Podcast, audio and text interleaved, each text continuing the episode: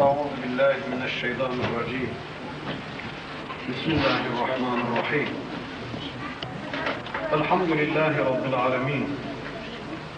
والصلاة وأتم التسليم على سيدنا محمد المبعوث رحمة للعالمين.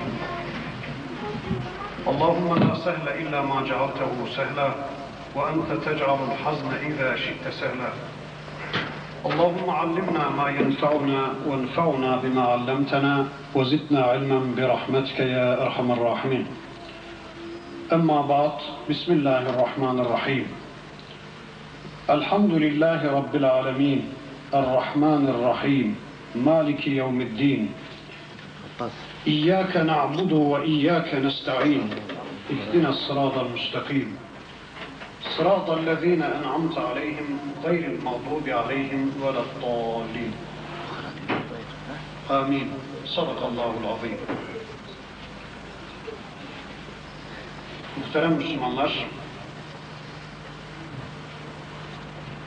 çok kıymetli hocamızın az evvel ifade ettiği gibi Allah'ın evlerinden bir evde Allah'ın Kur'an'ının bir bölümünü tanımaya çalışacağız inşallah. Aramızda ders haline getireceğiz. Ben az evvel Kur'an-ı Kerim'i okudum ve sonunda Sadakallahul Azim dedim. Bu yarım oldu. Kur'an-ı Kerim metin ve manadan ibarettir. Kur'an-ı Kerim'i yalnız metinden ibaret saymak hatalıdır. Az evvel benim yaptığım gibi onu yalnız mealcilerin yaptığı gibi manadan ibaret saymak da hatalıdır. Kur'an-ı Kerim metin ve manadan ibarettir. Demin hocamızın ifade ettiği gibi sadece okuma adına değil, onun manasına nüfuz etme adına, muhtevasını kavrama adına Rabbimizin bizim adımıza gönderdiği kulluk kitabımızı tanımak, anlamak zorundayız. Ben size eviniz desem ya da cebiniz desem herhalde nazarınızda bir şey canlanacak. Çünkü herkes evini tanımaktadır. Kaç odası vardır? Yatak odası nerededir? Tuvaleti nerededir? Kaç penceresi vardır? Herhalde hepinizin nazarında eviniz canlanır. Çünkü orası sizin eviniz. Bir başkasının evini elbette tanımazsınız ama kendi evinizi tanırsınız. Ya da cebiniz desem herhalde herkesin nazarında bir şey canlanır. Herkes kendi cebinde ne olduğunu bilir. Ama benim cebimdekini belki bilemezsiniz. Bilmek de zorunda değilsiniz. Peki ben size kitabınız desem ne canlanıyor nazarınızda? Kaç suresi vardır? Kaç ayeti vardır? Hangi ayeti, hangi suresi neden bahseder? Hangi suresi elimizden tutup bizi hangi hedefe götürür? Eğer bu konuda fazla bir bilgi sahibi değilseniz, eğer nazarınızda bir şey canlanmıyorsa, o kitaba kendi kitabınız nazarıyla bakmıyorsunuz demektir. Halbuki bu kitap Allah'ın bize gönderdiği, hepimizi onunla sorumlu tuttuğu kulluk kitabımız, mukaddes bir kitabımız. İşte bu kitabın ilk suresi, tertip sırasına göre ilk suresi olan Fatiha suresi diye bilinen bir sure üzerinde inşallah bildiğim kadarıyla size bilgi aktarmaya çalışacağım. Fatiha suresi Kur'an'da Seb'ul Mesani diye anılır. Tekrar edilen yedi. Fatiha suresinin yedi ayeti vardır. Sürekli namazlarda tekrar edilir. Bir önceki rekatta okuduğunuz bir sureyi ikinci bir rekatta okumanız mekruhtur. Caiz değil. Ama Fatiha suresini sürekli okuruz. Hemen hemen günde 40 defa bu sureyi okumamızı Allah bizden istiyor. İşte bu sureyi inşallah çok fazla detaya girmeden kısa kısa da olsa tanımaya çalışacağız. Surenin birinci ayeti kerimesi Besmele'dir. Bismillahirrahmanirrahim. Besmele bizim hayatımızda çok önemli bir fonksiyona sahip. Kapıyı kilitlerken hırsız girmesin diye besmele, kapıyı açarken müşteri bol olsun diye besmele, hiç besmeleyi ağzımızdan düşürmeyiz. Adeta koruyucu bir melektir besmele. Bohemya'dan bir kristal gelmiş silerken kırılmasın diye besmele ya da denizde yürümek üzere çekilen besmele besmele bizim hayatımızda bu kadar basitleşmiş. Halbuki besmelenin bizim hayatımızdaki fonksiyonu bizim hayatımızdaki rolü bundan çok daha büyüktür. Besmele kulluğun adıdır. Hazreti Ali Efendimiz der ki, Kur'an'ın tümü Fatiha suresinde toplanmıştır. Fatiha'nın tamamı Besmele'de toplanmıştır. Besmele'nin tamamı da B harfinde toplanmıştır. Öyleyse Kur'an-ı Kerim eşittir B harfi. Kur'an-ı Kerim eşittir B harfi. Peki nedir B harfi? Birkaç cümle halinde söyleyeyim. B harfi Türkçe'de bunun adına bağlaç denir. Arapçada bunun adı ilsaktır. İle manasına gelir. İle. Biz bir yazışmada, bir konuşmada ile kelimesini duyduğumuz anda, gördüğümüz anda hemen anlarız ki iki taraf var. Ve iki taraf arasında bir münasebet kuruluyor. Mesela Ali ile Hasan desek, bu ile kelimesini gördüğümüz anda anlıyoruz ki iki taraf var. Ve iki taraf arasında bir münasebet kuruluyor. Bu cümle nasıl biterse bitsin fark etmez. Namaz kıldılar deyin, hacca gittiler deyin, cihad ettiler deyin. Ali ile Hasan. Bu ile kelimesi iki taraf arasında hemen bir münasebetin kurulduğunu bize anlatıyor. Hocam şunu çekme imkanı var mı? Çok terletecek benim burada. Şu buyur.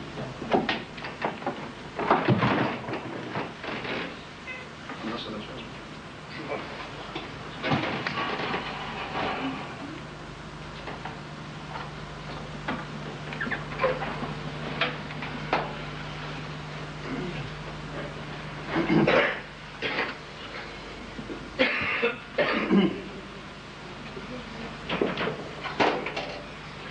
bir konuşmada, bir yazışmada ile kelimesini gördüğümüz anda anlarız ki iki taraf var ve bu iki taraf arasında bir münasebet, bir alaka kuruluyor. İşte daha biz Besmele'nin B'sine başlarken bi derken ile hemen anladık ki iki taraf var. Ve bu iki taraf arasında bir alaka kuruluyor. Bir münasebet kuruluyor. Ne münasebeti bu? Kulluk münasebeti. Yani Allah'la kul arasında Rab ile kul arasında bir münasebet kuruluyor. Bakın biz daha Besmele'nin B'sine başlarken bi derken ile diyoruz. Yani bunun manası şudur. Ya Rabbi şu yapacağım iş senin benden istediğin iştir. Şu söyleyeceğim sözü söylememi sen benden istediğin için ben bu sözü söylemeye başlıyorum. Bakın ben burada konuşmamın hemen başında besmele çektim. Bismillahirrahmanirrahim dedim. Bunun manası şudur. Ya Rabbi şu konuşmayı, şu Fatiha suresini burada şu nezih cemaata arz etmeyi sen benden istediğin için ben bu işi yapıyorum deme adına besmele çektim. Öyleyse besmele Allah'ın bizim hayatımıza aldığı kulluk maddelerinden birini icra ederken ya söz söylemeye başlarken ya da bir iş yapmaya başlarken söylenen bir kulluk aktidir. Bismillah diyen kişi Ya Rabbi senin namına, senin adına, senin hesabına, sen benden bu işi yapmamı istediğin için ben bu işi yapıyorum deme adına besmele çekmektedir. Öyleyse arkadaşlar parmağınıza altın bir yüzük takarken, suratınıza usturayı vurdururken ya da israfla kurulmuş bir sofraya otururken, haramdan kazandığınız bir parayı saymaya çalışırken, üzerinize tesettüre uygun olmayan bir elbiseyi giyerken, televizyonun düğmesine eliniz giderken, bir kadının elini sıkmaya eliniz giderken, besmele çekin. Çekebilirseniz çekin. Bismillah deyin. Senin adına. Sen benden bu işi yapmamı istediğin için yapıyorum ya Rabbi. Senin namına, senin hesabına, Allah namına, Allah hesabına ben bu işi yapıyorum deme adına çekebilirseniz besmele çekin. Çekemezsiniz değil mi? Çünkü parmağınıza altın yüzük takmayı Allah sizden istemiyor ki başında Allah namına diyebilirsiniz. Sakalınıza usturayı vurdurmanızı Allah sizden istemiyor ki başında besmele çekebilirsiniz. Allah namına, Allah hesabına diyebilirsiniz. İsrafla kurulmuş bir sofraya oturup yemek yemenizi eğer Allah sizden istemiyorsa Bismillah diyemezsiniz. Hatta İmam Maturidi Hazretlerine göre haramın başında besmele çeken bir adam kafir olur. Çünkü bu adam haramı helal kabul etmiştir. Dikkat edin, yanlış anlamayın. Haramı işleyen bir adam kafir olmaz. Mesela içki içen bir adama hemen kafir diyemezsiniz.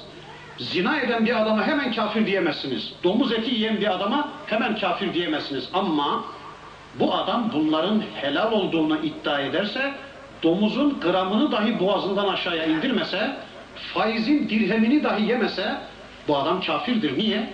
Çünkü haramı helal kabul etmiştir. Haramın başında Bismillah diyen bir adam, Allah namına, Allah hesabına, Ya Rabbi bu işi yapmamı, bunu yememi, şu televizyonu seyretmemi, parmağıma bu altın yüzüğü takmamı, sakalıma usturayı vurdurmamı, israfla kurulmuş bu sofrada oturmamı ya da çırılçıplak ten rengindeki şu çorabı giymemi, şu şeffaf, şu dar elbiseyi giymemi sen benden istediğin için yapıyorum deme adına başında besmele çeken bir adam bütün bunları helal telafi etmiştir. Helal kabul etmiştir. Allah korusun bu adam dinden çıkar. İşte besmelenin bizim hayatımızdaki fonksiyonu bu kadar çok. Bismillah, Allah namına, Allah adına, Allah hesabına, Allah benden istediği için. Bakın, Cenab-ı Hak bizim velimizdir. Veli nedir? Çok uzun değil. Birkaç cümle söyleyeyim. Veli, bir varlık adına ona danışmadan karar alma makamında olan ikinci varlığa veli denir. Ben çocuğumun velisiyim. Ona danışmadan onun hesabına karar alma makamındayım. İstediğim okulda okuttururum, istediğim okulda okumasına izin vermem. İstediğim elbiseyi giydiririm, istediğim elbiseyi giydirmeye yasaklarım. İstediğim kişilerle arkadaşlık kurmasını sağlarım, istediğim kişilerle arkadaşlığını engellerim. Çünkü ben çocuğumun velisiyim. Allah da bizim velimiz. Allah da bize danışmadan bizim adımıza karar alma makamında. Zaten velinin manası da budur. Allah bizim velimizdir. Namazı emrederken Allah bana danışmadı. Benim adıma kulluk maddesi alırken Allah tek taraflı alır, bana danışmaz. Çünkü benim velimdir o. Namazı emrederken Allah bana danışmadı. Zekatı emrederken Allah bana danışmadı. Cihadı farz kılarken Allah bana danışmadı. İlmi farz kılarken Allah bana danışmadı. Çünkü o benim velimdir. Bakın, o bizim velimiz olarak tek taraflı karar alır, biz onun aldığı kararı uygularız. Aklımıza şöyle bir şüphe gelebilir. Acaba Rabbimizin bizim adımıza aldığı kararların tümü bizim iyiliğimize mi diye bir tereddüdünüz olmasın diye bakın mesela içinizden birisiyle bir ortaklık yapmaya karar versem ben o kişi dese ki sen karışmayacaksın ortaklığın maddelerini ben hazırlayacağım dese ben ona itimat etmeyebilirim. İçimde bir şüphe duyabilirim. Şöyle bir teklifle benim karşıma gelebilir. İşte sermayenin onda dokuzunu sen vereceksin diyebilir bana. Onda birini kendisi kor sermayenin. Sonra karın onda dokuzunu kendisine, onda birini bana ayırabilir. Karşımdaki insandır. Tek taraflı onun benim adıma karar almasını kabullenmeyebilirim. Bir tereddüt geçirebilirim.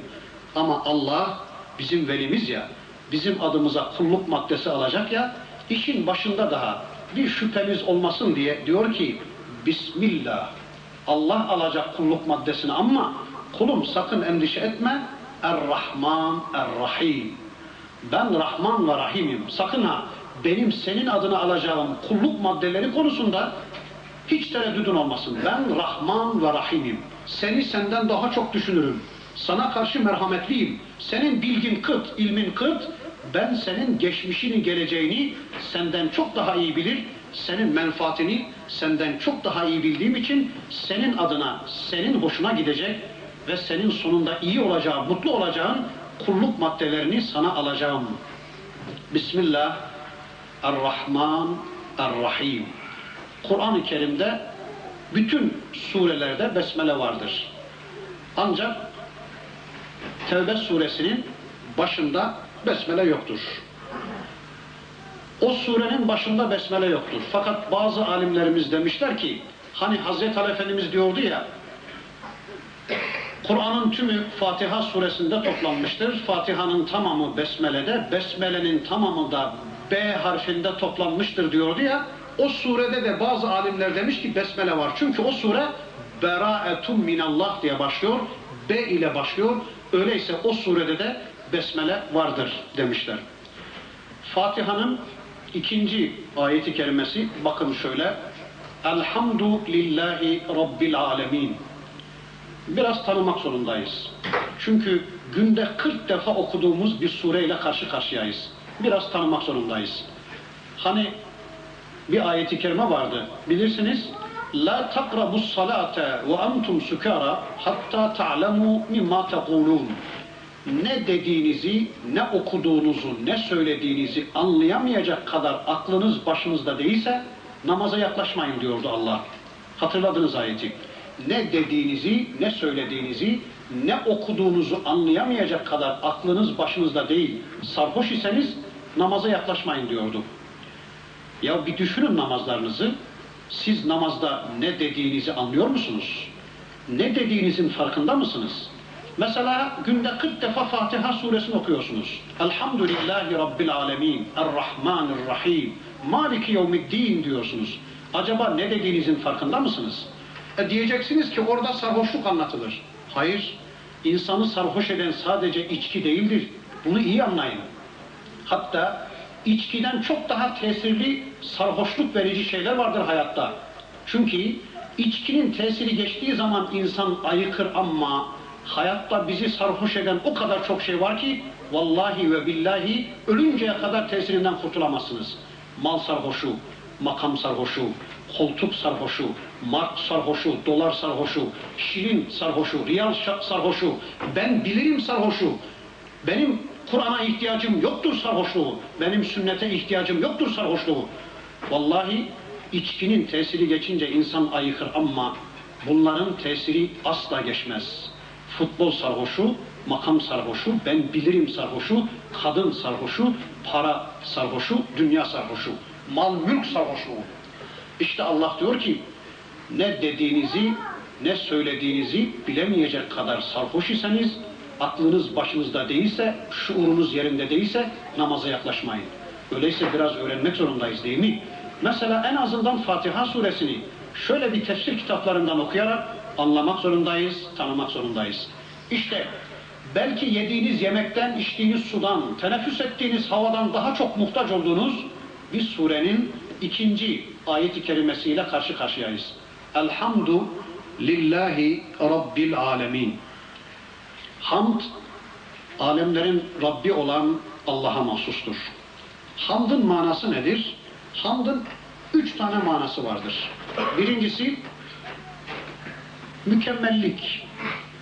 Mükemmel ancak Allah'tır. En üstün Allah'tır. En güzeli, en mükemmeli Allah'tır. Çünkü Allah'ın dışındaki varlıklar için bu kelimeyi kullanmak caiz değil. Bu yazı çok güzel ama deriz. Bu lamba çok güzel ama deriz. Hasan çok güzel ama deriz. Hüseyin çok güzel ama bu yazı çok güzel ama deriz. Sonunda bir amma gelir. Ama Allah için amma olmaz. Allah en güzeldir. Allah kusursuzdur. Allah eksiksizdir. Binaenaleyh ham kelimesi Allah'a mahsustur. İkincisi övmek demektir. Bakın biz günde 40 defa namazlarımızda Allah'a şu sözü veriyoruz. Ya Rabbi ancak seni överiz ve senin övdüklerini överiz. Dikkat buyurun. Belki ne dediğinizin farkında değilsiniz Fatiha suresini söylerken ama ben size söyleyeyim. Dediğimiz şu. Elhamdülillahi Rabbil alemin derken şunu diyoruz. Ya Rabbi ancak seni överiz ve bir de senin övdüklerini överiz. Zaten Allah'ı övmek demek Allah'ın övdüklerini övmek demektir. Bakın günde 40 defa Allah'a bu sözü veriyoruz. Ya Rabbi seni öveceğiz, senin övdüklerini öveceğiz. Namaz bittikten sonra sosyal hayatınıza bir bakın. Acaba Allah'ın övdüklerini mi övüyorsunuz? Allah'ın övmediklerini övmeye mi kalkıyorsunuz? Bir bakın hayatınıza. Şu övdüklerinizi bir gözden geçirin. Ben size bir iki misal vereyim. Sözü fazla uzatmadan. Ben sizi iki tane eve götüreyim, buyurun. Veya iki sofraya götüreyim ben sizi. Bir sofra düşünün ki, şöyle muazzam bir sofra kurulmuş. Masanın örtüsü Philadelphia'dan getirtilmiş. Örtünün üstündeki çiçeklerin konduğu vazo Bohemya'dan gelmiş kristal. Çiçekler Atina'dan gelmiş.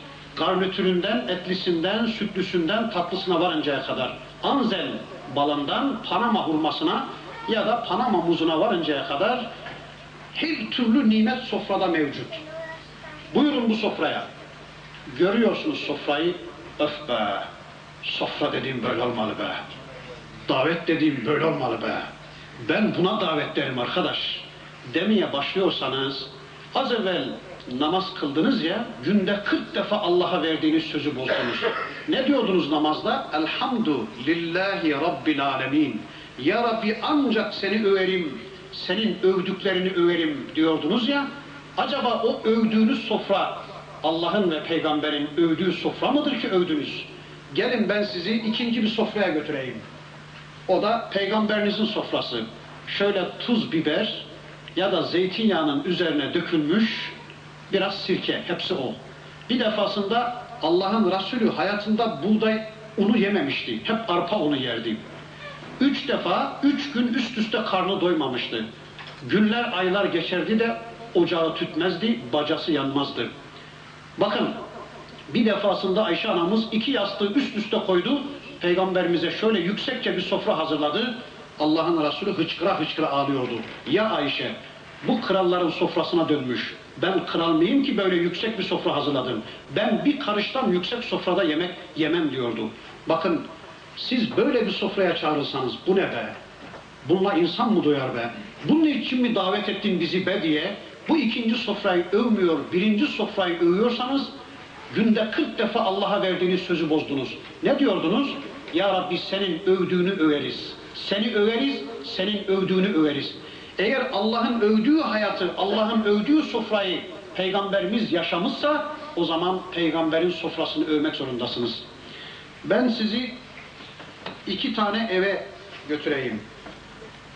Öyle bir ev ki şöyle dışarıdan baktığınız zaman villa köşk, kalebodur döşenmiş, fayans döşenmiş. İçeriye girdiğiniz zaman koltukların, kanepelerin içinde kendinizi kaybediyorsunuz. Müthiş bir ev şöyle. Yüksek bir ev, geniş bir ev. Siz bu evi gördüğünüz zaman övmeye başlarsınız. Villa bu be. İnsan burada oturur be. Müslümanın böyle bir evi olması lazım be kardeşim diye bu evi övmeye kalkarsınız, översiniz. Gelin ben sizi bir de peygamberinizin evine götüreyim. Medine'de üstüne hurma lifleri atılmış. Şöyle ayağa kalktığınız zaman başınızın tavana değeceği kadar alçak bir ev. Bir tarafta içindeki samanlar dökülmeye yüz tutmuş bir iki tane minder. Şöyle çivide asılı bir iki sağ kadar arpa unu, bir ıbrık veleyen. Bir tarafta da bir sedir. İşte peygamberinizin evi buydu. Bir defasında peygamberimizin kayınpederi Hazreti Ömer o eve teklifsiz girme hakkına sahipti. Bir defasında girmişti. Baktı ki peygamberimiz yatıyordu yerde. Hasırın üstünde. Doğruldu peygamberimiz. Yüzünde kıpkırmızı hasırın izleri vardı. Hazreti Ömer kendini tutamadı ağlamaya başladı. Vallahi dedi ya Resulallah Bizans'ın kisralarını düşündüm. İran'ın kayserlerini düşündüm. Roma imparatorları gözümün önüne geldi. Onlar kuş tüyü döşeklerin üstündeyken biz senin başının altına bir yastık bile yaptıramadık. Altına bir minder bile seremedik diye ağlayınca Allah'ın Resulü şöyle diyor. İstemiyor musun ya Ömer? Dünya onların olsun, ahiret bizim olsun. Lehumu dünya ve lenel ahira. İstemiyor musun ya Ömer? Dünyanın debdebesi, şaşası onların olsun. Ahirette Rabbimizin gözlerin görmediği, kulakların duymadığı, akıl ve hayallerimizden dahi geçiremeyeceğimiz enva çeşit devletleri ve nimetleri benim olsun diyordu. Ve bakın Allah'ın Resulü'nün çok güzel bir cümlesi var. Sizden biriniz bir yolculuğa çıkar. Dinlenmek üzere bir ağaç bölgesi bulur, orada birkaç saat oturur. İşte yolculuğa çıkan ve dinlenmek üzere ağaç altına uğrayan bir adamın ağaç altını restore ettiği kadar, imar ettiği kadar ancak dinlenmek üzere uğradığım dünyayı ben de o kadar imar eder, o kadar restore ederim. Başınıza gelmiştir. Özel arabanızla bir yere gidersiniz. Şöyle dinlenmek üzere bir ağaç gölgesi ararsınız ya, ne yaparsınız orada? En fazla diken filan varsa şöyle oturacağınız yerde veya sert çakıl varsa onları şöyle temizler oturursunuz değil mi? İşte dinlenmek üzere yolcu olarak uğradığınız dünyayı da ancak o kadar imar etmek zorundasınız diyordu Allah Resulü Hazreti Muhammed Aleyhisselam. Bazıları diyor ki efendim peygamberimiz zamanında mimar mimari bilgi gelişmemişti. Bilinmiyordu. Hayır. Yemen'e, Yemen'in San'a şehrine o vali, Ebrehe isimli vali öyle muazzam bir köşk yaptırmıştı ki Kabe adına, Kabe'yi yıktırıp oraya insanları davet adına öyle muazzam bir bina yaptırmıştı ki o gün mimari biliniyordu. O günün dünyasında, Roma'sında, Bizans'ında mimari biliniyordu. Vallahi eğer peygamberimiz isteseydi, emretseydi sahabisine Japonya'dan sırtında mermer getirirdi sahabi, Almanya'dan ya da işte Viyana'dan sırtında bilmem ne çilisini getirirdi. Peygamberimizin etrafında böyle muazzam bir villa, böyle muazzam bir köşk yaptırırdı Allah'ın Resulü. Bu biliniyordu, mimari de biliniyordu. Ama savaş insanı bunlarla uğraşmaz. Savaş insanı, yarın öleceğine inanan insan, ebedi kalacakmış gibi bu semutvari apartmanlarla, villalarla, köşklerle uğraşmaz. Savaş insanı, göçebe insan, yarın öleceğine inanan insanın tüm göçü bir atın sırtının alacağı kadardır. Ya da bir merkebin sırtının alacağı kadardır. İşte bu iki evden hangisini översiniz siz? Peygamberinizin evini mi översiniz? Bu ne be?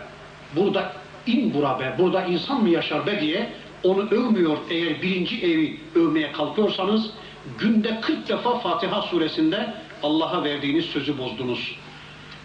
Ayşe anamız diyor ki çoğu zaman diyor peygamberimiz sabah namazının sünnetini evde kılardı, farzını camiye giderdi. Çoğu zaman diyor ben yatardım, o kalktığı zaman erken kalkardı diyor. Secde edecek yer bulamazdı evin içinde de benim ayaklarımı şöyle toplar, oraya secde ederdi. Böyle bir genişlik düşünün. İşte bu kadar geniş peygamberimizin evi. Bu kadar geniş. Yüksekliğini de az evvel söyledim. İşte Allah Resulü'nün evi, işte bugünkü villalar. Hangisini övüyorsunuz? Bakın ben ayet-i kerimeye bir daha dönüyorum. Elhamdu lillahi rabbil alemin. Yalnız Allah'ı övdüğümüzü, Allah'ın övdüklerini övmek zorunda olduğumuzu söylemiştik. Öyleyse övdüklerinize bir bakın. Bir kılık kıyafet, Allah'ın övmediği bir kılık kıyafetse siz o kılık kıyafeti övemezsiniz. O kılık kıyafete sahip çıkamazsınız. Çocuklarınızı o kılık kıyafet içinde sokağa çıkaramazsınız. Bir eğitim sistemi, eğer Allah'ın övdüğü bir eğitim sistemi ise siz de sahip çıkın. Çocuklarınızı gönderin. Ama Allah'ın övmediği bir eğitim sistemi ise ne kendinizi ne çocuklarınızı o eğitime teslim etmeyin. Allah'ın övdüklerini övün. Ashab-ül Uhdud'u anlatır Kur'an'ın bir suresi. Onlar Allah'ın övdüğünü övmüşler, övmediğini övmemişler de çukurlara gömülmüşler. Hendek kazılmış. Upuzun hendek kazılmış da yığın yığın Müslümanlar o hendeklere gömülmüş. Niçin? Çünkü onlar Allah'ın övdüğünü övmüşler, Allah'ın övmediğini övmemişler. Bir sofra, Allah'ın övdüğüyse siz de övün, övmediyse siz de övmeyin. Bir yazı, Allah'ın övdüğü bir yazıysa kullanın. Allah'ın övmediği bir yazıysa siz de övmeyin. Bir eğitim, Allah'ın sevmediği, övmediği bir eğitimse sahip çıkmayın. Bir kılık kıyafet, Allah'ın övmediği ise sahip çıkmayın. Sahip çıkıyorsanız namaz kılmayın. Ya da Fatiha suresinde günde 40 defa Allah'a böyle bir söz vermeyin. Ya Rabbi ancak seni öveceğiz, senin övdüklerini öveceğiz diye Allah'a böyle bir söz vermeyin. Ya namazdaki doğru ya dışarıdaki doğru. Namazdakinin doğru olduğundan kesin eminiz. Çünkü bu süreyi Allah gönderdi. Öyleyse dışarıdaki yanlış. Allah'ın övmediğini övemezsiniz. Namaz kılmayan bir Müslümanı övemezsiniz. Çünkü Allah övmüyor. İslam'ı yaşamayan bir Müslümanı övemezsiniz. Çünkü Allah övmüyor. Allah'ın övmediği hayatınızda neler varsa siz de onları reddetmek zorundasınız. Zaten hamdın üçüncü manasına geldim. Kısaca arz edeyim bakın. Hamdın üçüncü manası hayatın İslamlaşmasının adıdır. Elhamdülillah diyen bir adamın hayatı Müslümanlaşıyor. Müslümanlaşan hayatına o kişi elhamdülillah diyor. Bugün de namaz kıldım elhamdülillah. Bugün de ayet tanıdım. Bugün de hadisi tanıdım elhamdülillah. Bugün de cihad ettim elhamdülillah. Bugün de infak ettim elhamdülillah. Bugün de bir komşuma İslam'ı duyurdum elhamdülillah. Bugün de çocuklarımın dini hayatıyla ilgilendim elhamdülillah. Yani ve ahiru davahum enilhamdülillahi rabbil alemin. Müslümanların hayatlarının hedefi o hayatta elhamdülillahı gerçekleştirmektir. Davalarının hedefi budur. Bugün de şunları şunları yaptım elhamdülillah. Yani her gün Rabbimizin bizden istediği kulluk maddelerini icra edeceğiz. Her gün bir adım daha Müslümanlaşacağız ve Müslümanlaşan hayatımıza elhamdülillah diyeceğiz. Bakın Allah'ın Resulü Mekke'de demin arz ettim. Üç gün karnı doymuyordu üst üste. Yiyecek buğday ekmeği dahi bulamıyordu. Ama o hayata elhamdülillah diyordu. Niye? Çünkü Allah'ın istediği hayat oydu da ondan. Müslümanlaşan hayatına Allah'ın Resulü elhamdülillah diyordu. Medine'de kainatın seyyidi ölmek üzere olan bir Yahudi çocuğunun başına koşuyordu. Şu vapuru kaçırmasın. Bir Yahudi çocuğu ölüp gidiyordu. Adam o vaziyetiyle ölür giderse cehenneme gidecek. Vapuru kaçıracak. Koşuyor Allah'ın Resulü. Kalbi heyecanla titriyor. Kalbi duracak, beyni çatlayacak adeta. Onu kaçıracağım endişesiyle koşmuş Yahudi çocuğunun başına. Sizin çevrenizde öyle çocuklar var ki, öyle aliler, öyle veliler, öyle hasanlar var ki, koşuyor Peygamberimiz Yahudi çocuğunun başına. Gözlerini merhametle, şefkatle çocuğun gözlerine dikiyor. Diyor ki, yavrum bir kere kelime-i şehadet söyle, cennete gidersin. Çocuk korkuyor, babasının yüzüne bakıyor. Babası da o anda merhamete gelmiş, Ati Ebel Kasım, oğlum Ebul Kasım Muhammed'e itaat et. Onun dediğini söyle deyince çocuk çözülü veriyor. La ilahe illallah ya da eşhedü en la ilahe illallah ve eşhedü enne Muhammeden Resulullah deyince Peygamberimiz sanki bütün dünya kendisine verilmiş, etekleri altınlarla, mücevherlerle dolmuş olarak hamd ederek dışarıya çıkıyor. Elhamdülillah diyor. Niye? Bir Müslümanı cennete kazandırdı. Ya da bir insanı cennete kazandırdı. Cehenneme gidiş yolunu engelledi. Elhamdülillah diyordu. Siz de yapıyor musunuz bunu?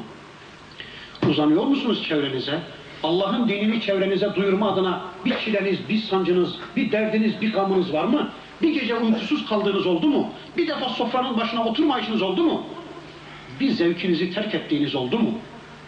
Varsa elhamdülillah deyin. İslamlaşan hayatınıza elhamdülillah deyin.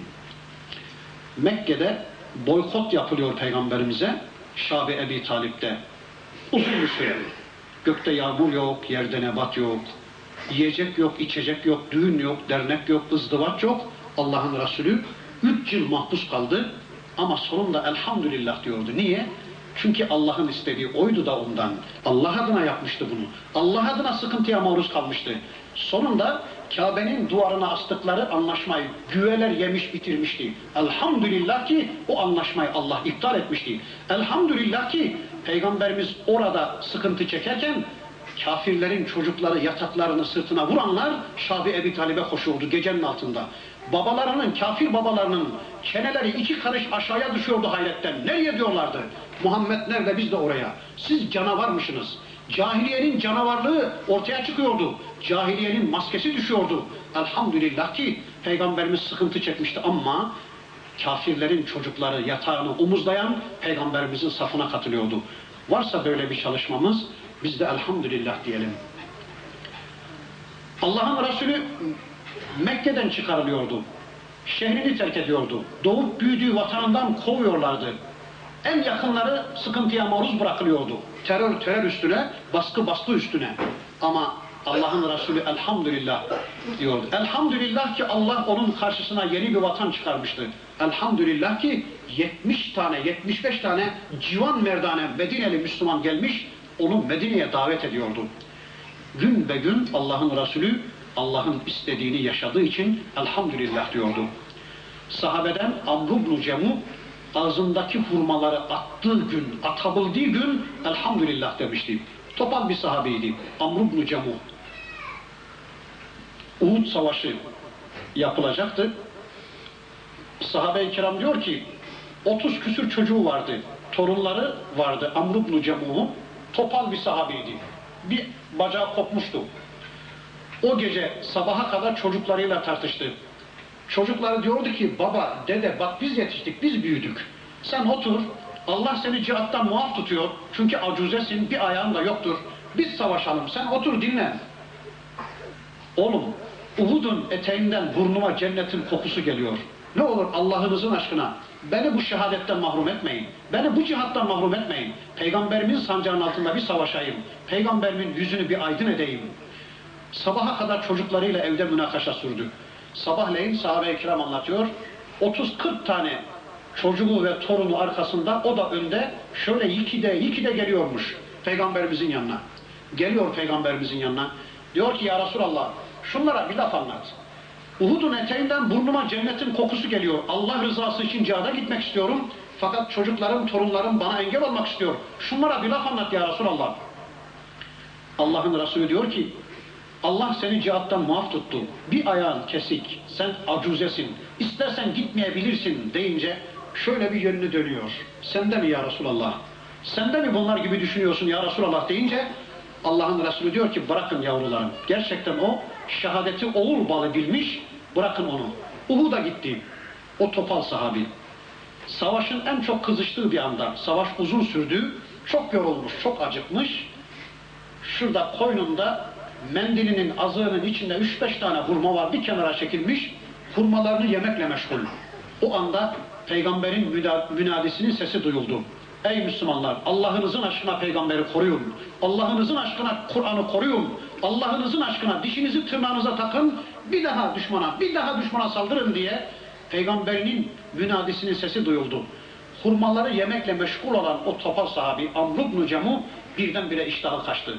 İştahı gırtlağında düğümlendi, ağzındaki hurmaları tükürdü, elindeki hurmaları attı ve şöyle diyordu. Alçak nefis.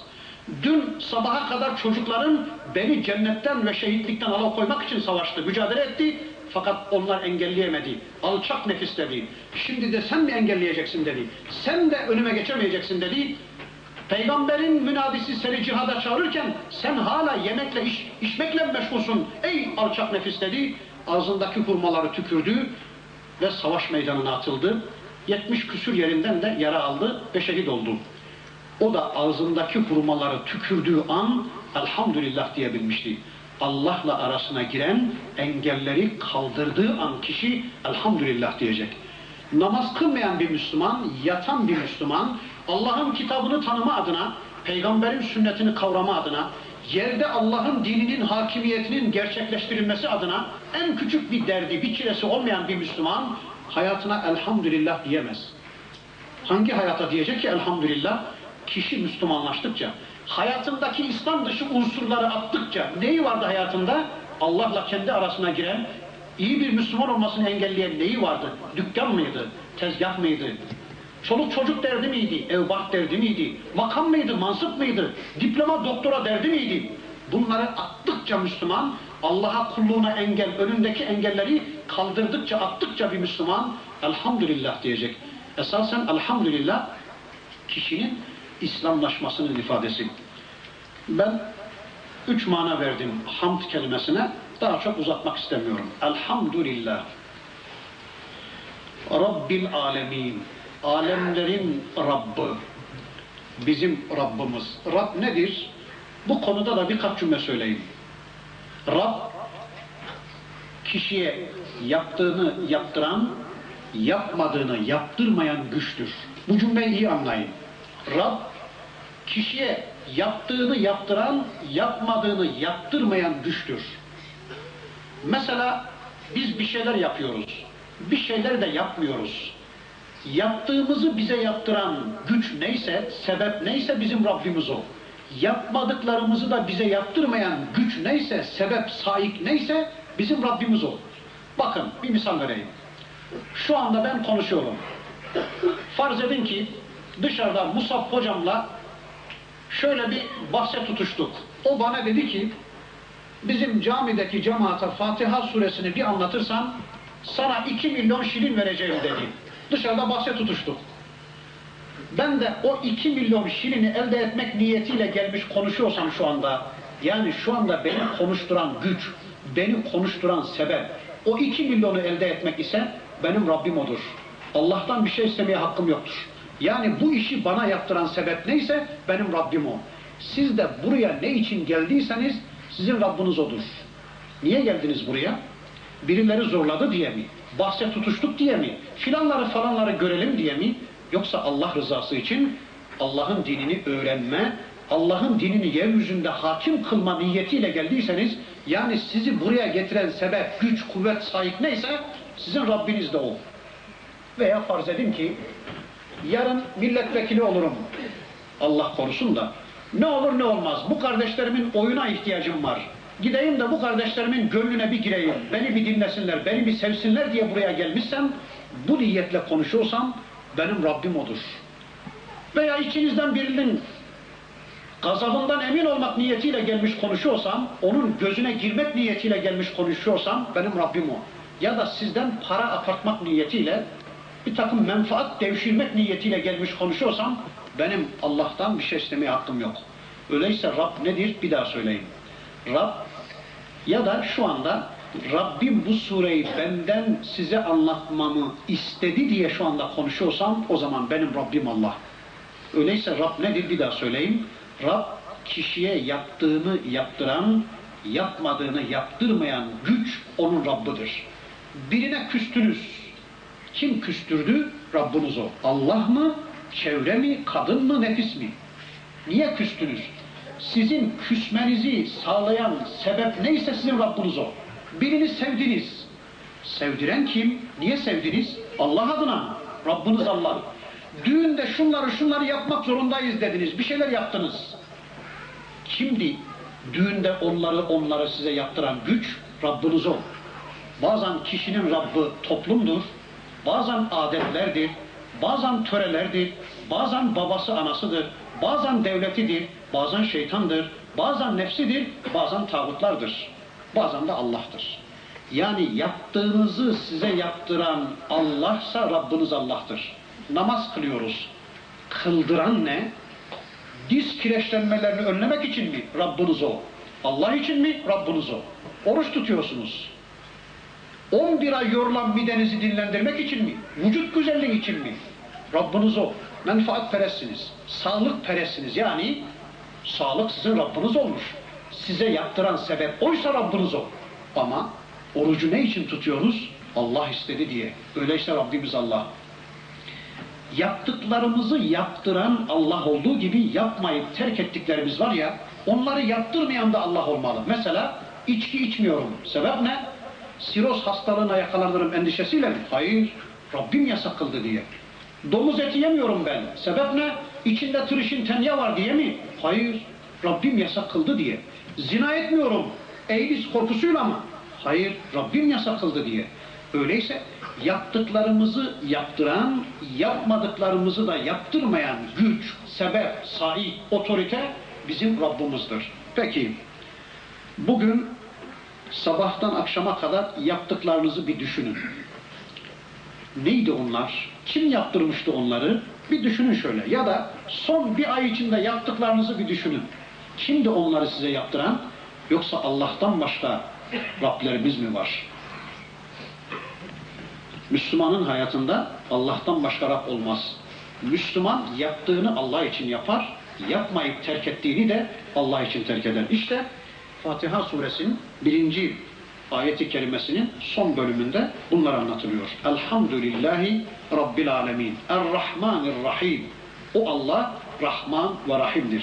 Besmele'nin içinde birkaç cümle söylediğim için o konuda fazla bir şey demeyeceğim. Fatiha suresinin bakın dördüncü ayeti kerimesi şöyle. Maliki yevmiddin. O Allah ki din gününün malikidir, din gününün sahibidir. Din günü nedir? Maliki yevmiddin. Din günü. Peki din günü nedir? Din günü ceza günüdür. İyilik, iyilerin iyiliklerinin mükafatını görmek üzere yukarıdan cennete uçacağı, kötülerin kötülüklerinin cezasını çekmek üzere aşağıdan cehenneme akacağı, dolacağı bir gün. Din günü. İyilerin kötülerin ayrılacağı, işlediğiniz bütün amellerin karşılık göreceği bir gün. Din günü. İşte o Allah o din gününün otoritesidir, din gününün sahibidir, din gününün malikidir. Peki Allah din gününün sahibi de dünya gününün sahibi değil mi? Dünya gününün maliki değil mi Allah? Dünya gününde otorite değil mi Allah?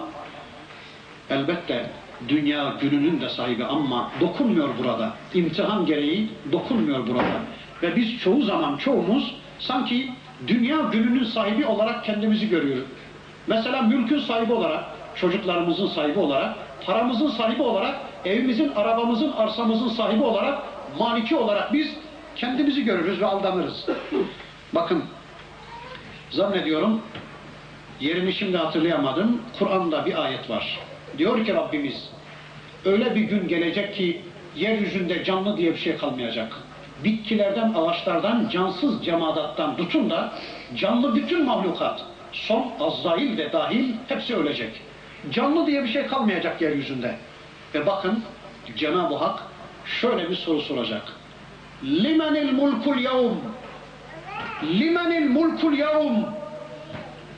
Mülk kimin bugün? Hakimiyet kimin bugün? Otorite kimin bugün? Güç kuvvet kimin bugün?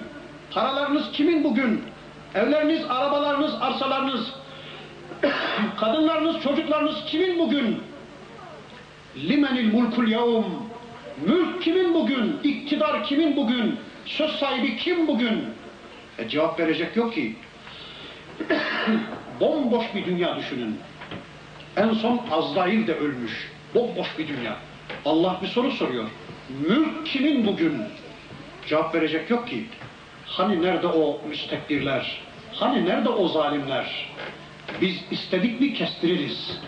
Biz istersek açtırırız. Biz istersek engelleriz. Biz istersek nefes alışverişinize dahi izin vermeyiz. Biz istersek kız kıvrak yakalarız diyenler.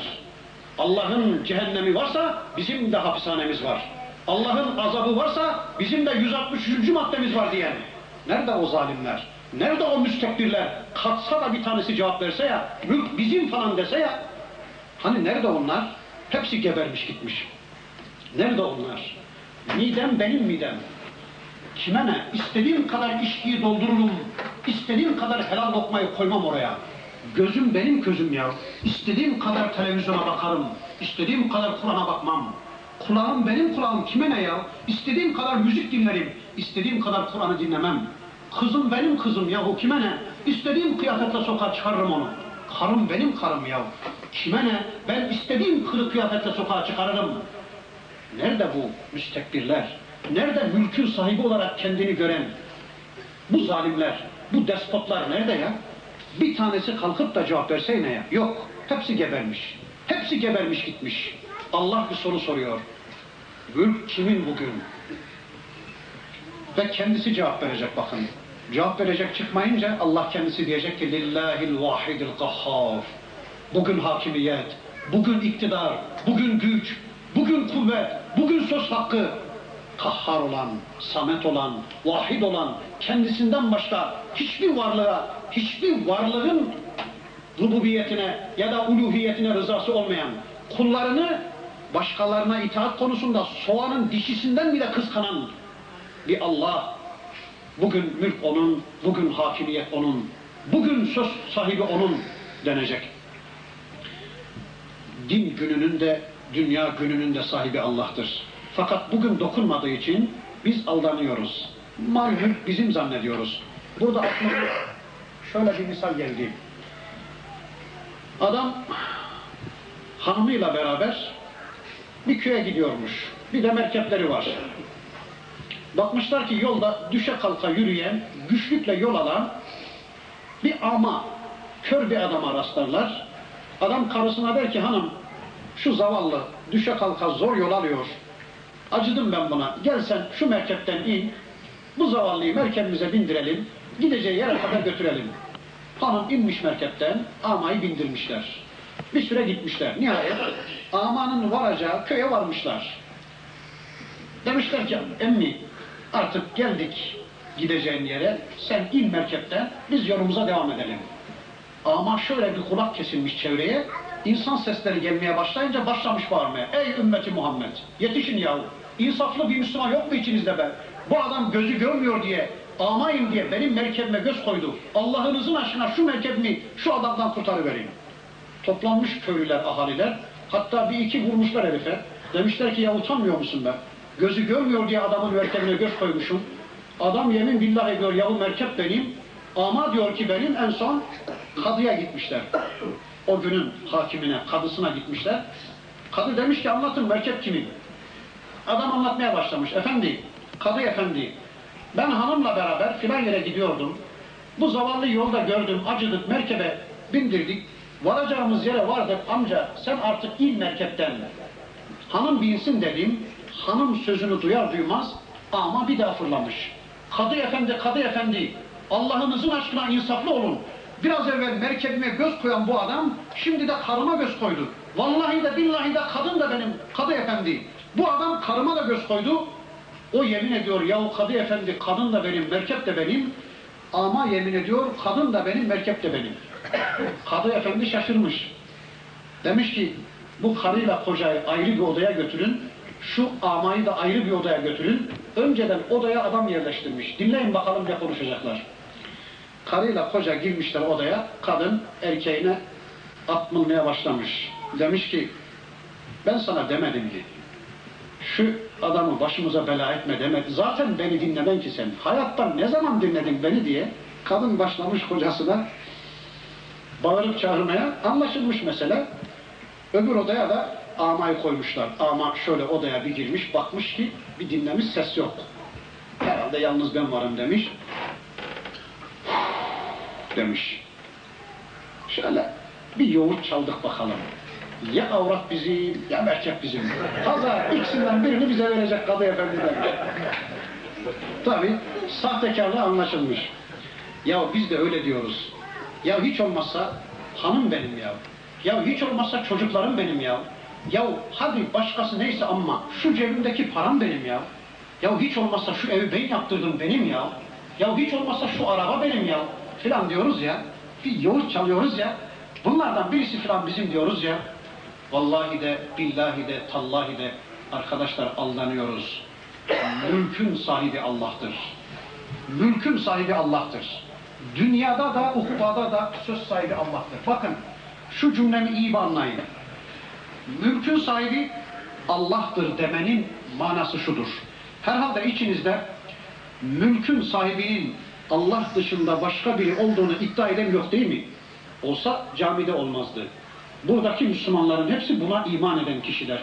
Biz biliyoruz ve iman ediyoruz ki mülkün sahibi Allah'tır. Ama mülkün sahibi Allah'tır cümlesinin ne manaya geldiğini söyleyince iş biraz değişiyor. Bakın, mülkün sahibi Allah'tır demek şu demektir. O mülkte söz sahibi Allah'tır. Anladık mı? Mülkün sahibi Allah'tır demek, o mülkte söz sahibi Allah'tır demek. Elim benim değil. Madem ki mülkün sahibi Allah, bu Allah'ın öyleyse ben bunu sahibinin razı olmayacağı yerde kullanamam. Gözüm benim değil artık mülkün sahibi Allah'sa, o mülk konusunda söz sahibi Allah'sa sahibine sormalıyım. Ya Rabbi bu gözü şu televizyonda kullanayım mı kullanmayayım mı? Şurada kullanayım mı kullanmayayım mı? Şurada kullandığımdan razı mısın değil misin? Yahu mülkün sahibi ben değilim ki. Sahibi Allah. O mülk konusunda söz sahibi de Allah. Öyleyse bir danışmalıyım Allah'a ya. Bu midem benim değil artık Allah'ın. Ya Rabbi sen bu mideme senin olan, mülkün sahibi olan, yani bu mülkün sahibi sensin ya, senin bana verdiğin bu mideye şunları şunları indireyim mi indirmeyeyim mi? Paranın sahibi ben değilim Allah. Madem ki mülkün sahibi Allah, o halde paranın sahibi Allah. Cebimdeki parayı harcadığım yeri sahibine bir sormalıyım ya. Para konusunda söz sahibi de Allah. Ya Rabbi şurada harcasam israf mı? Şurada harcasam haram mı? Şurada harcasam caiz mi değil mi? Sormalıyım Allah'a ya. Madem ki mülkün sahibi Allah, o mülk konusunda söz sahibi Allah. Çocuklarım benim değil.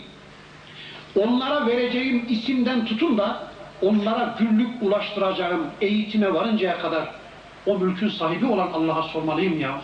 Sen hangi isimden hoşlanırsın ya Rabbi? Ben bu çocuklarıma hangi ismi vereyim? Ya da günlük bunlara hangi eğitimi ulaştırayım? Ne okutayım? Bunları nasıl eğiteyim? Bunları Kur'an ve sünnetle nasıl tanıştırayım? Mülkün sahibi Allah'sa sormalıyız ya. O mülkte söz sahibi Allah'tır. Bakın, mülkün sahibi Allah'tır demek, o mülkte söz sahibi Allah'tır demek. Bunu kavramak zorundayız. Bugün acaba şu Türkiye'deki camiler Allah'ın mülkü mü? Yoksa gasp edilmiş Allah'ın söz sahipliğinden çıkarılmış mı? Bir düşünün. Eğer şu anda Türkiye'deki camilerde Allah'ın sözü geçmiyorsa, Allah'ın kitabı açık açık Allah'ın kullarına duyurulmuyorsa, Allah'ın sevgilisi Hz. Muhammed Aleyhisselam'ın sünneti açık açık Allah'ın kullarına anlatılamıyorsa, yani o camilerde Allah'ın sözü geçmiyorsa, o camiler Allah'ın mülkü olmaktan gasp edilmiş, çıkarılmış demektir ve onu iade etmek zorundayız. Bir mülkün bir varlığa izafesi demek, o mülkte o varlığın söz sahibi olduğunu kabullenmek demek. Mesela bakın, şurası herhalde bir kardeşimizin başkanlığında farz edin. Veya burayı ev, hepinizin evi var. Hepiniz ev reisisiniz değil mi? Diyoruz ki bu ev Ahmet Ağa'nın evi. Bu ev Mehmet'in evi diyoruz. Bir mülkün bir varlığa izafesi demek, o mülkte o varlığın, o şahsın hakimiyetinin söz sahibi olduğunun belgesidir. Farz edin ki siz ev reisisiniz değil mi? Evlerinizde istediğinizi yapma imkanınız olmasa, istediklerinizi emretme, istediklerinizi yasaklama hakkınız olmasa, o eve kim girecek, kim çıkacak bu size sorulmasa, sizin o evde sözleriniz kale alınmasa, o mülk sizindir denir mi ya? Denmez değil mi? Denmez ya. Bir başka misal vereyim bakın. Mesela Türkiye'nin herhangi bir şehrine, mesela bizim şehre bir tane kaymak, vali aranıyor ya da bir belediye başkanı aranıyor diye tüm dünyaya ilan etsek. Desek ki bizim şehrine bir tane, bizim şehre bir tane belediye başkanı arıyoruz. Bizim şehre ya da bir tane vali arıyoruz. Ancak şartlarımız var. Neymiş o? Bir, savaşa, barışa belediye başkanımız ya da valimiz karar vermeyecek, karışmayacak. Kılık kıyafetimize karışmayacak. Biz istediğimiz biçimde giyineceğiz, istediğimiz biçimde giyinmeyeceğiz. Soframıza vali karışmayacak, yazımıza karışmayacak, eğitimimize karışmayacak, kılık kıyafetimize karışmayacak, caddelerimize karışmayacak, savaşa barışa o karar vermeyecek, okumamıza yazmamıza karışmayacak. E sadece büyük puntolarla şehrin duvarlarına valimizin ismini yazacağız. Büyük valimiz diye ismini yazacağız. Senede iki bayramda huzuruna çıkacağız, istikbal edeceğiz, serfuruda bulunacağız, selamlayacağız. Büyük valimiz diye saygı duruşunda bulunacağız. Böyle bir vali arıyoruz desek, tüm dünya ilan etsek, çıkar mı böyle bir vali? Ya da içinizden böyle bir velayete talip olan birisi çıkar mı? Ne yapacağım ben böyle valiliği ya? Savaşa barışa ben karışmayacağım. Kılık kıyafete karışmayacağım. Ne okunacak ne yazılacak ben karışmayacağım. Yemenize içmenize karışmayacağım. Kanunlar benim ağzımdan çıkmayacak. İstediklerimi emretme hakkım olmayacak. İstediklerimi yasaklama hakkım olmayacak. Kılık kıyafetinize dokunmayacağım. Savaşınıza, barışınıza, eğitiminize ben karışmayacağım. Yani ben hiç konuşmayacağım. Siz bildiğiniz naneyi yiyeceksiniz. Sonra da sadece benim adımı şehrin duvarlarına büyük puntularla yazacaksınız. Büyük valimiz diye senede bir iki seferde karşıma çıkacaksınız. Ben ne yapayım böyle valiliği demez misiniz? E, siz böyle bir valiliğe razı değilsiniz ya da böyle bir emirliğe razı değilsiniz, böyle bir ev reisliğine razı değilsiniz de Allah'ı niye razı etmeye çalışıyoruz ya? Allah'ı niye razı etmeye çalışıyoruz ya? Bizim keyfimize, bizim hatırımıza razı olmak zorundadır o Allah diyenlere diyoruz ki lakum dinukum veliyedin. Sizin dininiz sizin olsun, bizim dinimiz de bizim. Çünkü Allah, Kur'an'daki Allah böyle bir Allah değil. Ne demek yani? Ya Rabbi sen büyüksün, sen kudretlisin, sen azimsin. Camilere büyük puntolarla ismini yazacağız. Senede bir iki bayram şöyle serfura edeceğiz, istikbal edeceğiz. Ama sen olduğun yerde dur ya Rabbi. Hukukumuza karışma, eğitimimize karışma. Kılık kıyafet sen bilmezsin zaten bunları. Biz senden zekiyiz. Bizim eğitim uzmanlarımız var. Bizim hukuk uzmanlarımız var. Bunlar bilirler ya Rabbi. Sen kılık kıyafete karışmayacaksın. Ceza kanunlarımıza karışmayacaksın. Yememize içmemize karışmayacaksın. Ev tefrişimize karışmayacaksın. Cebimizdeki paramıza karışmayacaksın. Çocuklarımızın eğitimine karışmayacaksın. Hanımlarımızın eğitimine, kılık kıyafetine karışmayacaksın. Yememize, içmemize, hayatımıza karışmayacaksın. Savaşımıza, barışımıza karışmayacaksın. E sen büyüksün, azimsin, yücesin. Senede bir iki bayram huzuruna çıkacağız, istikbal edeceğiz. Onun dışında hayatımıza karışmayacaksın. Nereden çıktı bu ya? La a'budu ma ta'budun ve la entum abidun ma a'bud. Bakın böyle düşünenlere Allah bir ayet gönderdi peygamberimize. De ki peygamberim kul Ya eyyuhel kafirun. Bunların hepsi kafirdir. Böyle inanan demokratik kafalıların hepsi kafirdir. Adı Ahmet de olsa, adı Mehmet de olsa. Bakın Allah dedi ki, Kul de onlara peygamberim. Bu itikat, bu inanç içinde olanlara de ki, Ya eyyuhel kafirun, ey kafirler. La a'budu ma ta'budun. Ve la entum abidun ma a'bud. Ve la ene abidun ma abettum.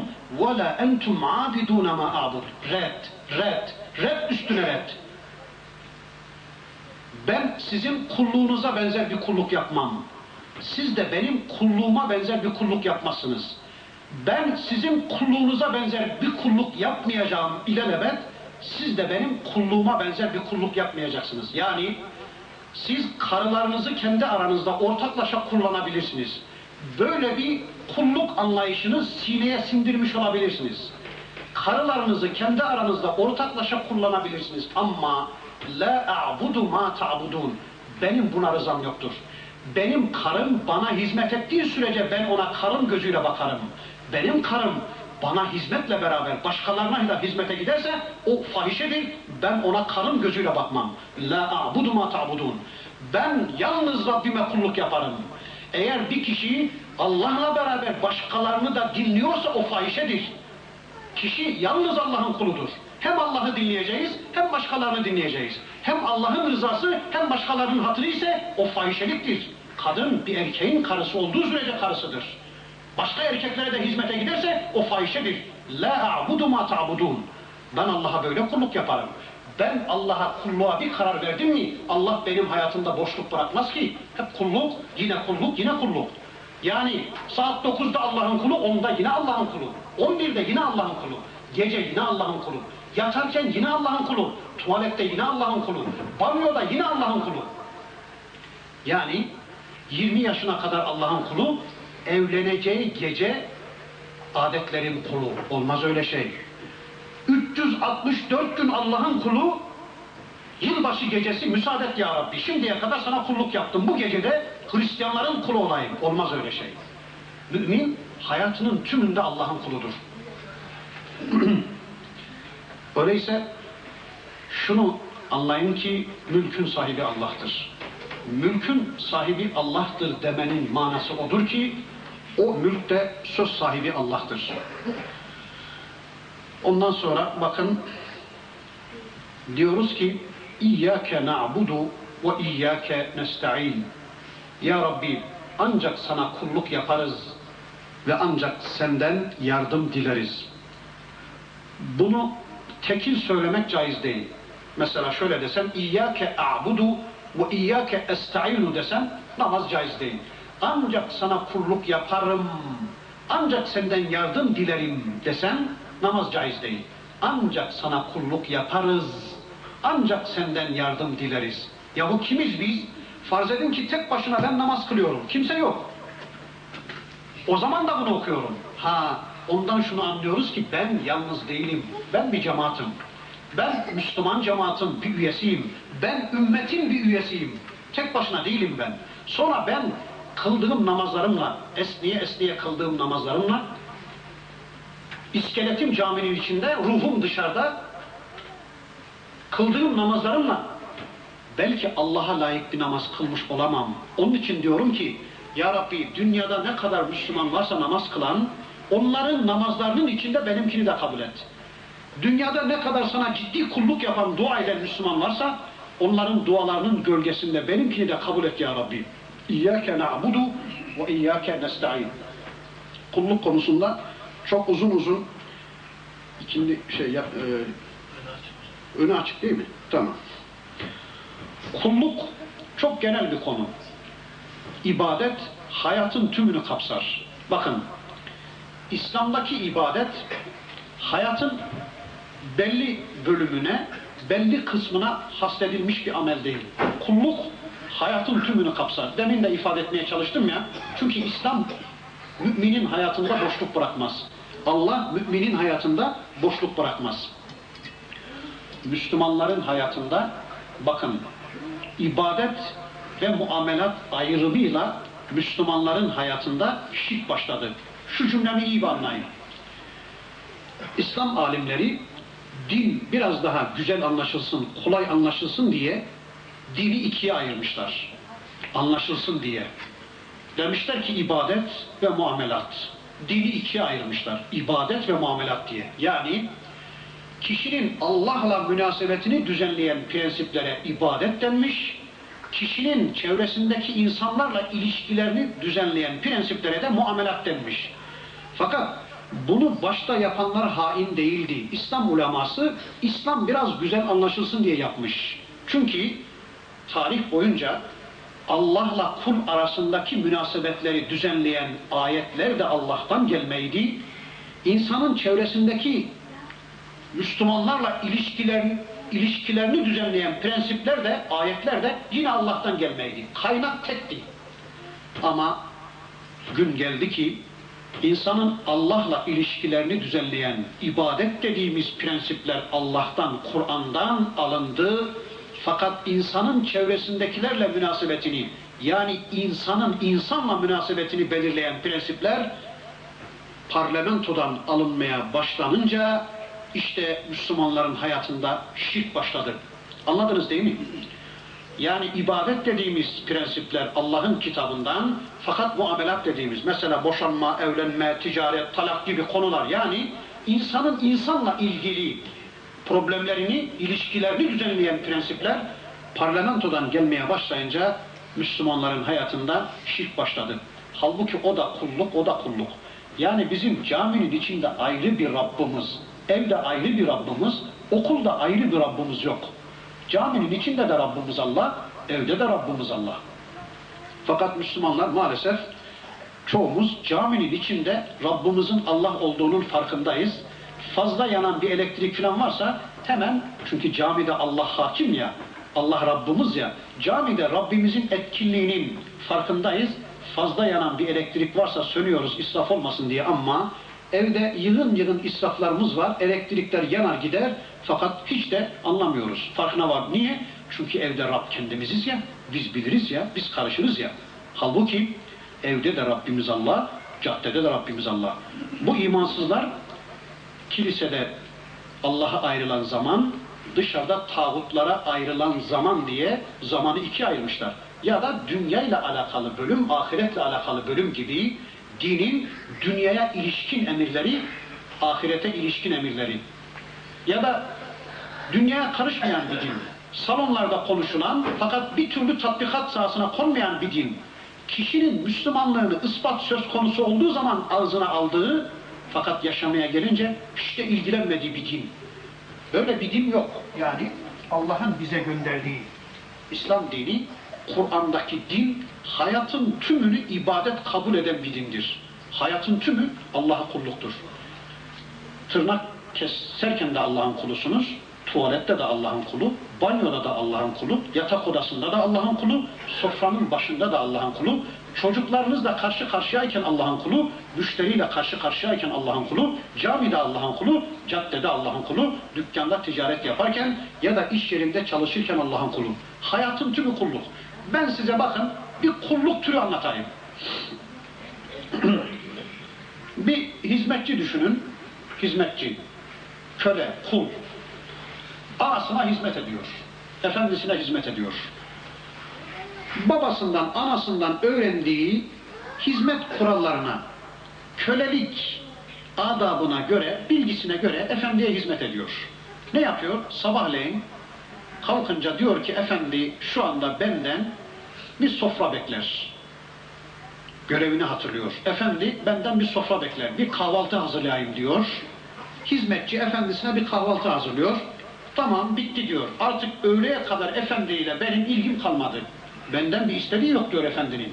Sabah kahvaltısını yaptım, efendimin karnını doyurdum, artık öğleye kadar boşum diyor. Öğleye kadar efendiden ayrı yerde zaman geçiriyor hizmetçi. Ayşe'nin, Fatma'nın hizmetinde, Mark'ın, doların hizmetinde, şehvetinin hizmetinde, şeytanların hizmetinde ya da para kazanmanın şunun bunun hizmetinde koşturuyor. Öğleye kadar efendiden uzak. Efendiyi aklına bile getirmiyor. Öğle yaklaşınca aklına geliyor. Diyor ki herhalde efendi benden bir de öğle yemeği bekler diyor. Bir öğle yemeği hazırlıyor. Efendiye ikram ediyor. Ondan sonra akşama kadar efendi benden bir şey beklemez diyor. Akşama kadarki zamanı efendiden ayrı yerlerde efendinin iradesinin dışında geçiriyor. Akşam oluyor, işte bir akşam yemeği, yatsı yatarken de efendi benden herhalde bir yatak bekler diyor, efendiye bir yatak seriyor, bitti. Bakın İslam yani Allah böyle bir hizmete, böyle bir kulluğa razı değil.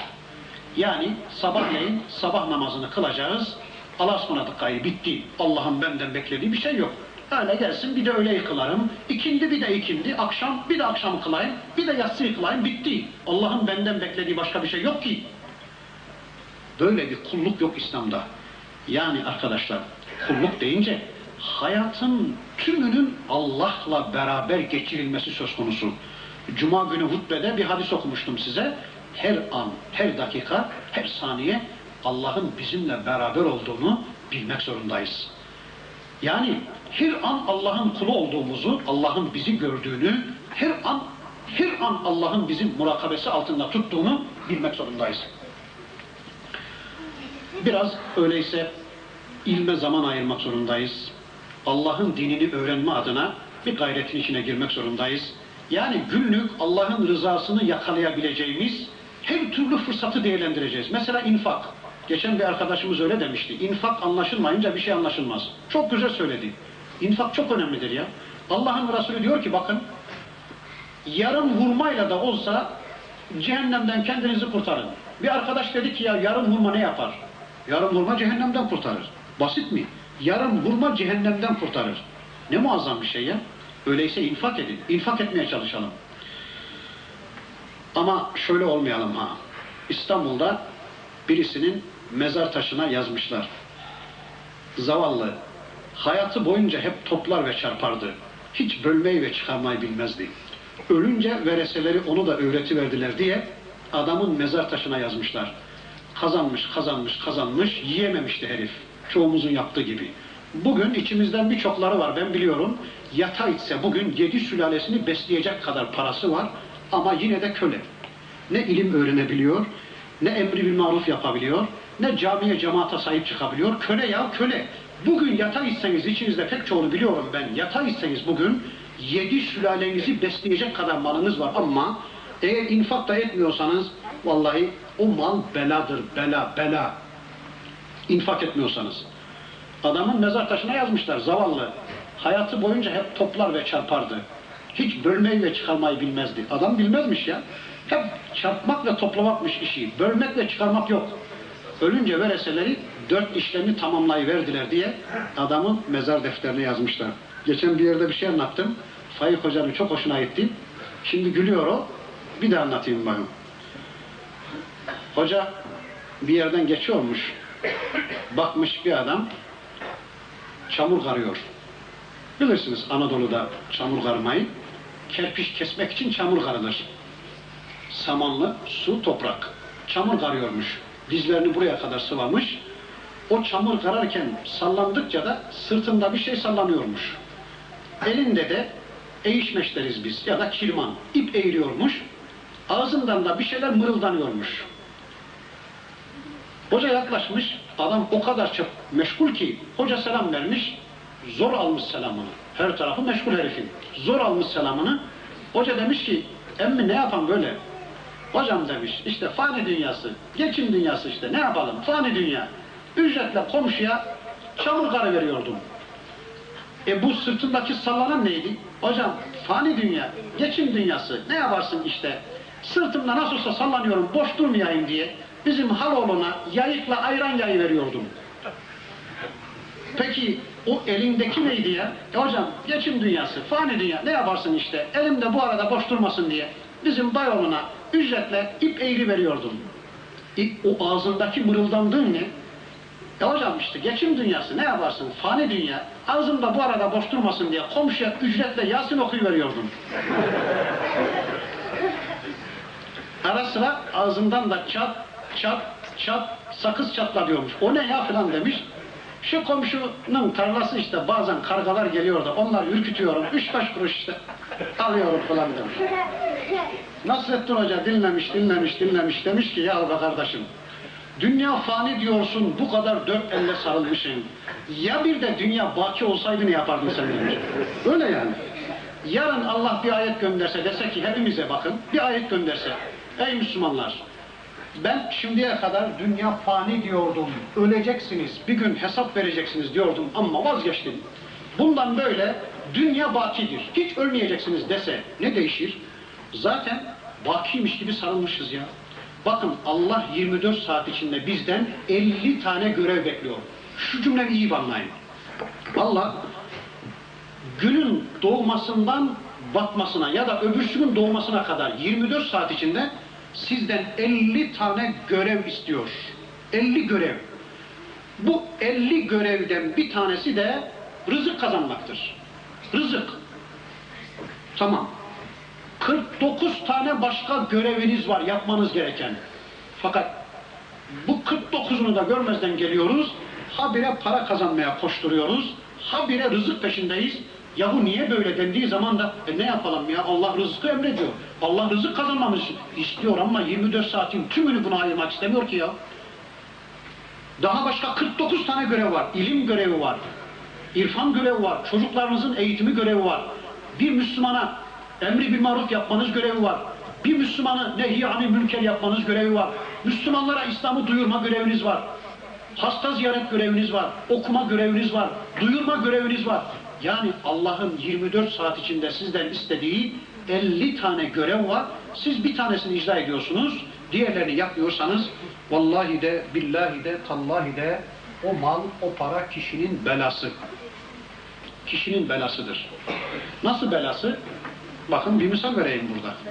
Farz edin ki şu anda ben sizi imtihan edeceğim. Diyorum ki arkadaşlar farz edin ki burası bir okul. Siz de talebesiniz. Ben de hocayım. Diyorum ki bakın arkadaşlar şuradan şuraya kadar 10 sayfalık bir bölüme çalışın gelin. Sizi buradan imtihan edeceğim diyorum. İkinizden birileri diyor ki hocam burası çok az. Bizi şuradan da hesaba çek. Şuradan da hesaba çek. Şuradan da hesaba çek. Şuradan da hesaba çek. Ne yaptı şimdi? İmtihan alanını çoğalttı. Ya haydi başaramazsan, haydi kazanamazsan ükelalığa gerek yok ki. Ben şuradan şuraya kadar sizi hesaba çekecektim. Şuraya çalışın demiştim. Arkadaşınız diyor ki şuraya kadar da bizi imtihan et hocam. Yüzüncü sayfaya kadar da sorumlu tut hocam. Biz kazanırız diyor. Ükelalığa gerek yok ki ya. Haydi kazanamazsan. E biz bugün onu yapmıyor muyuz ya? Bir dükkan vardı. Allah sizi oradan hesaba çekecekti. Ya Rabbi beni ikinci dükkanla da imtihana çek kazanırım. Ya Rabbi beni üçüncü dükkan da ver bana. Üçüncü dükkandan da beni hesaba çek. Ben kazanırım. Bir milyonunuz vardı. Ya Rabbi ikinci bir milyon daha ver. Ondan da beni hesaba çek. Ben kazanırım. Üçüncü bir milyon daha. Onuncu bir milyon daha. Aman Ya Rabbi imtihan alanlarımı çoğalt. Ben kazanırım. Ülkelalığa gerek yok ki ya. Hadi kazanamazsan. İmtihan alanlarını çoğaltmaktır bu ya. Bakın şöyle bir şey caiz değil. Ya Rabbi beni bir mağarada kimsesiz tenha bir yerde bir kadınla baş başa bırak. Ben sabredeyim, cenneti kazanayım. Demek haram, caiz değil. Niye? Ükelalığa gerek yok ya. Hadi sabredemezsen. Ya Rabbi o şartlar altında beni bulundurma diye dua etmek caiz. Ya Rabbi beni böyle bir imtihanla imtihan et de cenneti kazanayım demek caiz değil. Ya Rabbi bana hastalık ver, Eyüp gibi bir sabredeyim imtihanı kazanayım. Caiz değil bu. Ükelalık yapma. Hadi kazanamazsan. Ya Rabbi beni şöyle şöyle bir dertle mağlul bırak, beni imtihan et ben kazanırım. Caiz değil. Aynen bunun gibi. Ya Rabbi beni iki arsayla imtihan et kazanırım. Ya Rabbi beni on evle imtihan et kazanırım. Bir milyonum varken on milyonla imtihan et kazanırım. Ükelalığa gerek yok ki ya. Birinin hesabını zor veriyordun. Sonra üçünün hesabını, beşinin hesabını nasıl vereceksin? Ama millet hep hesap alanlarını çoğaltmanın peşinde. Çok garip bir şey ya. Yani şu anda hepimiz hesap alanlarımızı çoğaltmanın peşindeyiz. Peki ben şu bölüme bir dikkatinizi çekeyim. Bakın diyor ki Rabbimiz İyyâke na'budu ve İyyâke nesta'in. Ya Rabbi